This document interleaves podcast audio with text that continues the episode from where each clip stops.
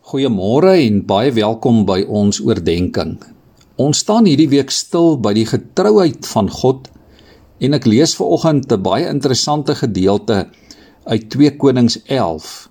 Ek lees net die eerste 3 verse. Toe Ahasia se ma Atalia hoor dat haar seun dood is, het sy begin om die hele koningsgeslag uit te roei. Jehoseba dogter van koning Joram en suster van Ahasia, het egter vir Joas, 'n seun van Ahasia, stilletjies weggevat tussen die prinses wat doodgemaak sou word. Sy het hom en sy oppaster in 'n slaapkamer weggesteek vir Atalia sodat hy die dood vrygespring het. Hy is 6 jaar by Jehosiba in die huis van die Here weggesteek. En in die tyd het Atalia die land geregeer. Liewe vriende, die naam Atalia beteken om God te verheerlik of om God te vereer. Maar Atalia het nie haar naam gestand gedoen nie. Sy het dit nie uitgeleef nie. Sy het aangehou en volhard op die verkeerde pad, soos baie van die ander heidense leiers voor haar. Toe haar seun koning Ahasia sterf, het sy al die moontlike opvolgers letterlik begin vermoor en self die troon oorgeneem. Maar in die proses het sy vergeet van klein Joas of dalk het sy nie eers van sy bestaan geweet nie alhoewel hy haar kleinseun was. Joas is deur Ahasia se halfsuster weggesteek en so het hy die dood vrygespring. Die Here het hom beskerm. En sodoende sou Joas uiteindelik die beloftes ontvang wat God aan Dawid gemaak het. Ja, omdat God getrou is. Omdat hy die getroue verbondsgod is. Daarom kon Dawid se nageslag bly voortbestaan. Liewe vriende, dalk klink hierdie na baie deurmekaar storie vanmôre. Maar een ding is waar.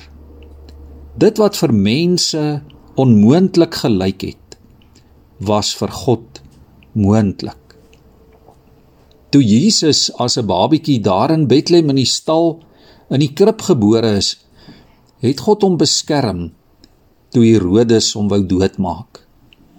En so is die belofte vervul dat God die troon van Dawid vir ewig in stand sou hou en sou vestig. Ons kry dit dwars deur die Bybel. Ons kry dit deur die hele heilsgeskiedenis, deur al die eeue. Kry ons die getrouheid van God. Hy is nie getrou aan mense nie, nee.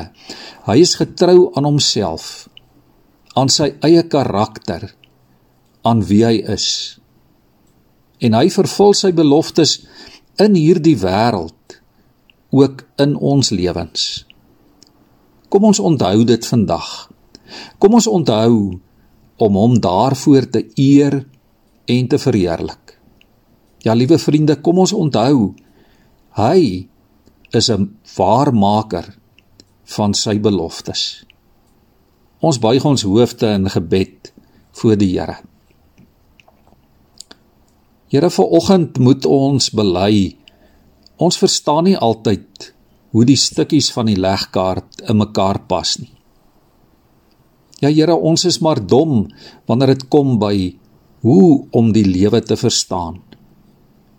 En daarom is ons gebed vanmôre, Here, dat U ons sal help om ten spyte van ons min verstaan nog steeds in U te bly glo en op U te vertrou. Dankie Here dat ons vandag kan weet dat U wil vir ons 'n volmaakte wil is en dat u elke stukkie van die legkaart reg inpas.